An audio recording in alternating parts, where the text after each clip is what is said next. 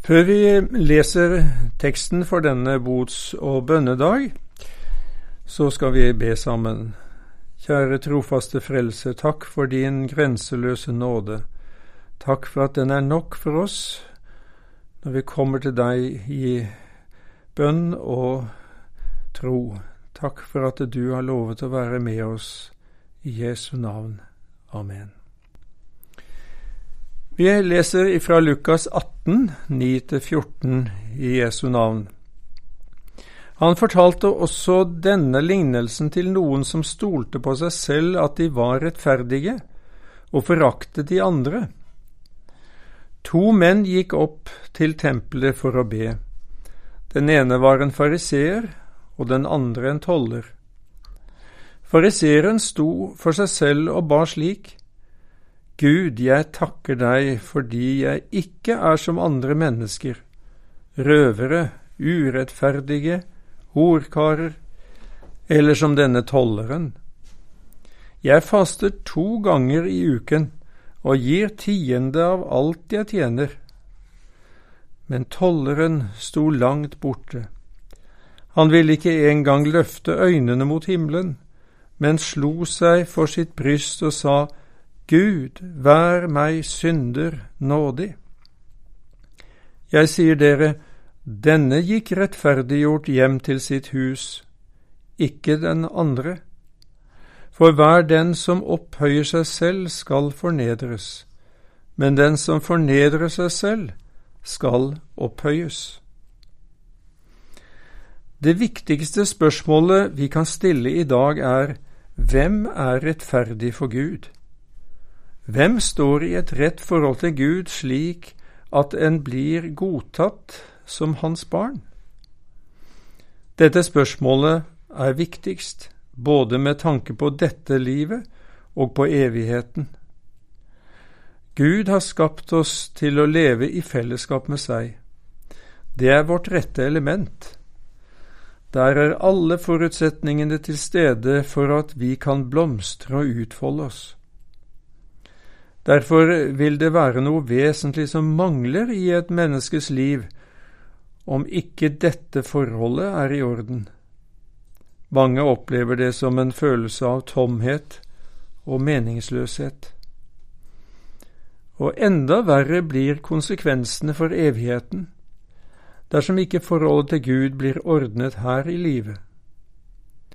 Selv om Gud veldig gjerne vil leve i et nært fellesskap med oss i all evighet, tvinger han ingen til dette. Den som velger å leve uten Gud her i livet, må også leve uten Han og Hans kjærlighet i evigheten. Det er fortapelsen, det uopprettelige tapet. Derfor er dette det viktigste spørsmålet i dag, hvem er rettferdig for Gud, i tid og i evighet? Jesus gir oss to eksempler på mennesker som ønsket å stå i et rett forhold til Gud. Det er en lignelse som Jesus har konstruert, men som godt kunne ha hendt. Derfor kaller vi det gjerne en eksempelfortelling. De hadde noe felles, disse to, begge gikk opp til tempelet for å be, men bønnene deres er helt forskjellige. Fariseerens bønn kan vel knapt kalles en bønn. Det virker ikke som han mangler noe, slik han ser at andre gjør.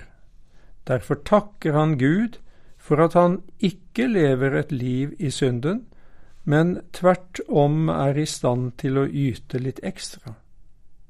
Fariseeren sto for seg selv og ba slik, Gud, jeg takker deg fordi jeg ikke er som andre mennesker, røvere, urettferdige, horkarer eller som denne tolleren. Jeg faster to ganger i uken og gir tiende av alt jeg tjener. Å røve, gjøre urett og å drive hor eller bryte ekteskapet er synd ifølge Bibelen, er det da noe galt i at eh, fariseeren takker Gud for at han ikke gjør slike synder? Prøver han ikke bare på denne måten å gi Gud æren for at han lever et bedre liv enn mange andre? Jo, han prøver nok på det. Fariseerne mente ikke om seg selv at de var i stand til å leve etter Guds vilje ved egen innsats alene. De kunne klare seg et stykke på vei fordi de mente at Gud hadde gitt dem frihet til å ville det gode. Men de var helt avhengige av Guds hjelp for å komme i mål. Derfor var det utenkelig for et fromt menneske å skulle påberope seg selv fortjeneste på grunn av sin lovlydighet. Det var bare Gud som kunne tilregne et menneske en slik fortjeneste, og erklære en for verdig og rettferdig. Det var en slik holdning fariseeren i tempelet prøvde å gi uttrykk for da han takket Gud. Han ønsket å gi Gud ære for at han var i stand til å avstå fra synd og å leve et bedre liv enn det Gud hadde pålagt.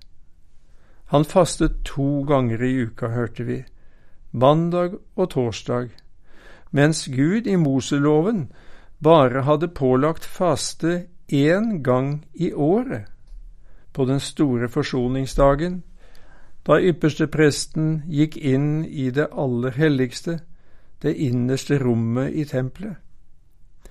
Og han ga tiende av alt han tjente, selv om loven bare påla å gi tiende av markens grøde og av husdyrene.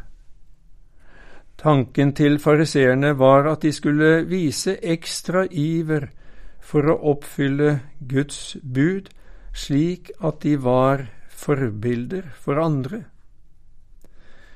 Ja, men eh, er det ikke mye positivt i dette, da? Er det ikke bra at noen prøver å leve etter Guds vilje og å være gode eksempler for andre? Det er jo nok av det motsatte i vår tid. Ja, det skal være sikkert. Og det er ikke galt å være gode forbilder. Men eh, hovedproblemet til fariseerne kommer til uttrykk i innledningsordene. Han fortalte også denne lignelsen til noen som stolte på seg selv at de var rettferdige, og foraktet de andre.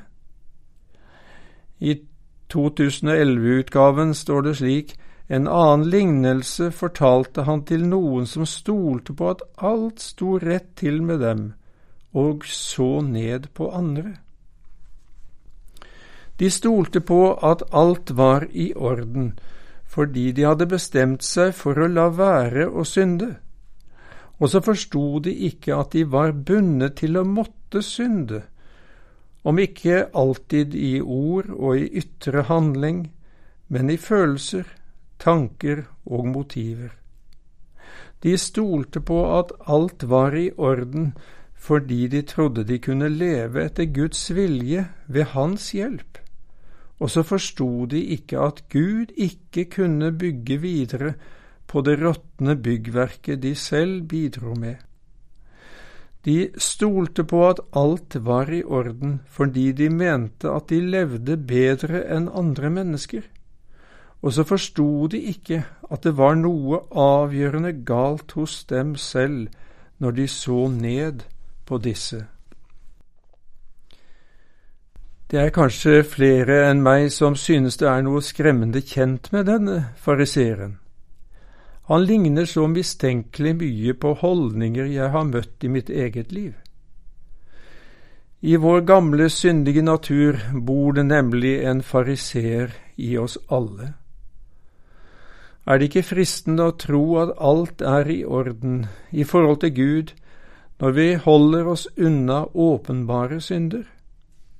Og så glemmer vi at de indre syndene er like synlige og alvorlige for Gud er det ikke lett å håpe på at et samarbeid mellom oss og Gud skal føre til et liv som Gud er fornøyd med.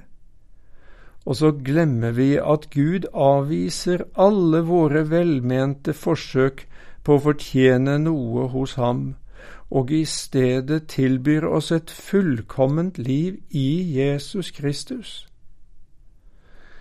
Er det ikke fristende å se ned på andre som ikke får det til å leve slik som oss?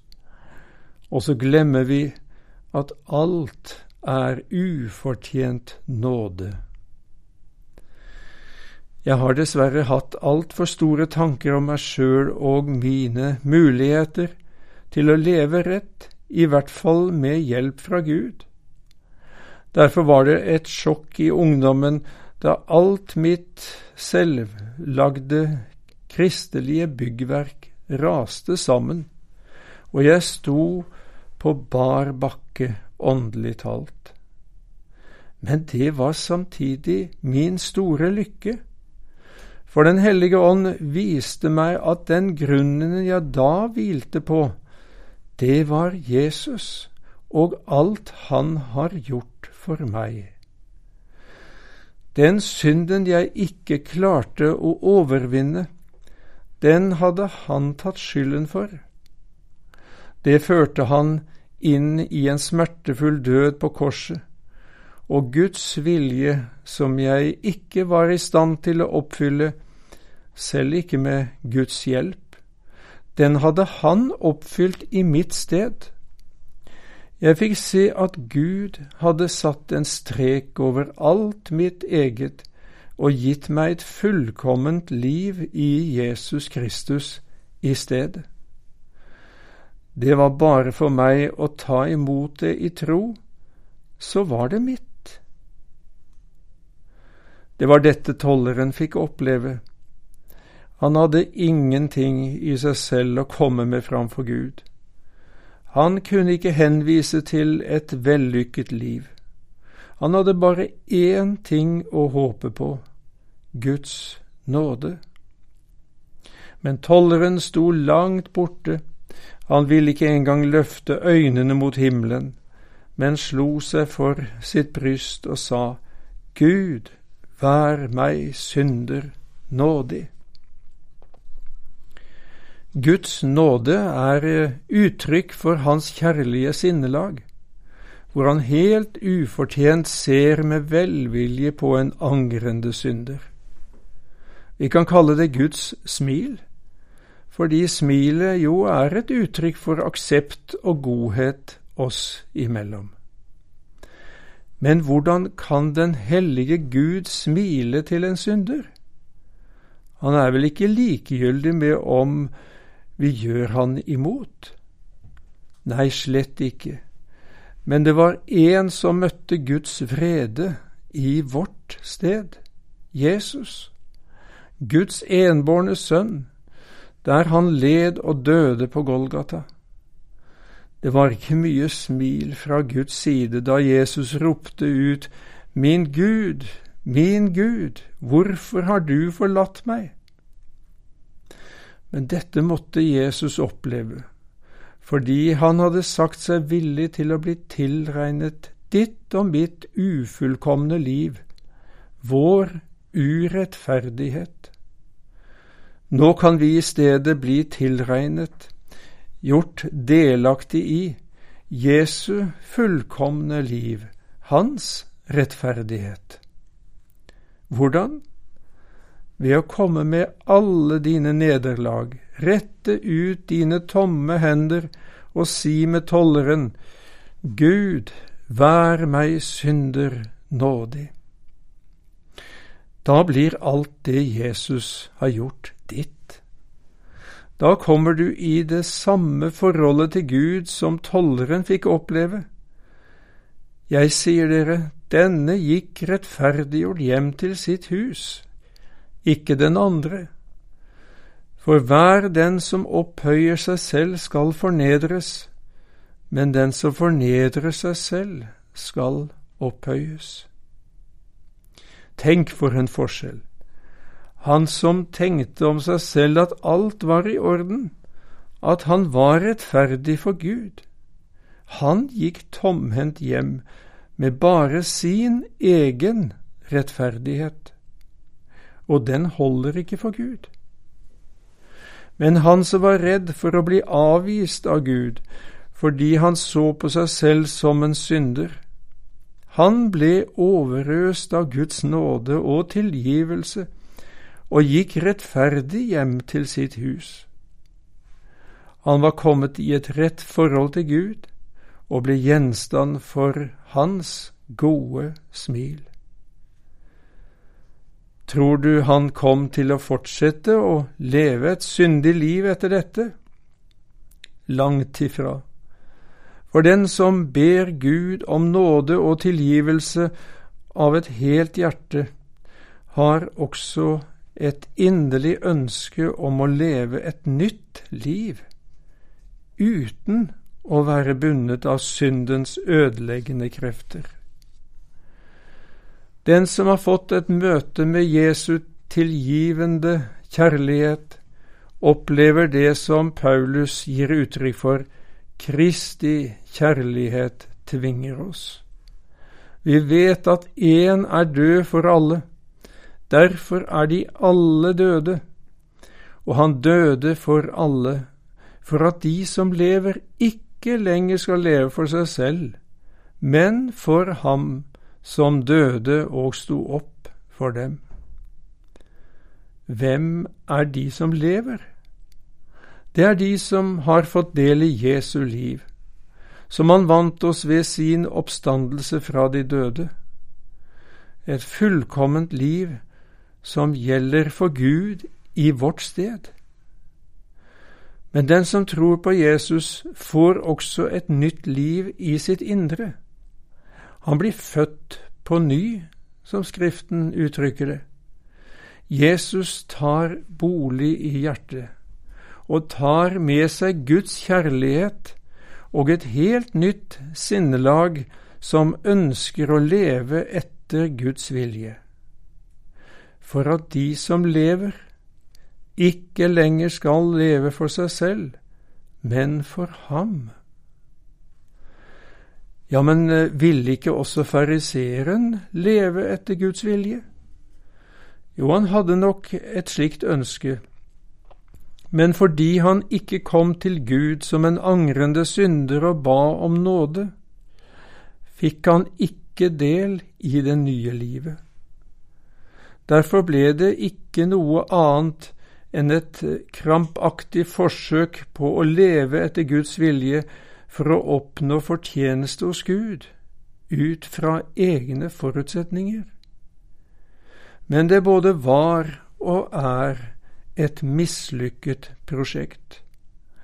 Det kan ikke bli annet enn litt flikking på det gamle livet. Men om noen er i Kristus, da er han en ny skapning. Det gamle er forbi, Se, alt er blitt nytt. Selv om en kristen fortsatt har den gamle naturen, har han i tillegg fått en ny natur, med muligheter til å leve det nye livet for Jesus. Jo nærmere vi lever Han, jo mer blir vi preget av Hans kjærlighet i tjeneste for våre medmennesker. Jeg har møtt mange slike som har blitt frelst fra et liv borte fra Gud, men som nå følger Jesus og tjener ham. Ja, livet er virkelig blitt nytt i møte med Jesus, av bare nåde. Vi begynte med dette viktigste av alle spørsmål. Hvem er rettferdig for Gud? Hvem står i et rett forhold til Gud, slik at en blir godtatt som hans barn? Jeg tror vi har funnet svaret. Ikke den som ubevisst eller bevisst roser seg av å leve et bedre liv enn de fleste, men den som stiller seg sammen med den angrende tolleren i tempelet og sier av hjertet, Gud, vær meg synder nådig. Hvis dette ikke bare blir fromme ord, men et uttrykk for hjertets holdning, kan du være trygg på at du står i et rett forhold til Gud. For da kommer Jesus mellom deg og Gud, og gjelder for deg med sin soning for dine synder og med sitt fullkomne liv. Da kan du si med stor visshet, Jesus er mitt rette forhold til Gud. Han er min rettferdighet. Slik blir du frelst av nåde. I epistelteksten for denne dagen, i 1. Johannesbrev 1, 8 til 2.2, står det blant annet dette. Dersom vi bekjenner våre synder, er Han trofast og rettferdig, så Han forlater oss syndene og renser oss fra all urettferdighet. Og i begynnelsen av kapittel to, mine barn, dette skriver jeg til dere for at dere ikke skal synde, og hvis noen synder, har vi en talsmann hos Faderen, Jesus Kristus den rettferdige, og han er en soning for våre synder.